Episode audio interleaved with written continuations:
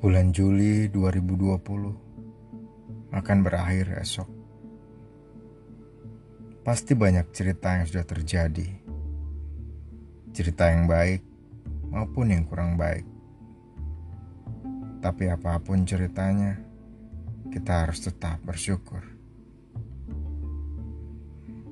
Juli adalah bulan kelima, di mana kita semua, termasuk saya, diminta untuk kuat dan bersabar. Entah sampai kapan. Gema takbir Idul Adha tahun ini masih terus terdengar. Semoga dengan lantunan takbir dan doa-doa yang kita panjatkan, Allah segera mengembalikan keadaan ini seperti sebelumnya.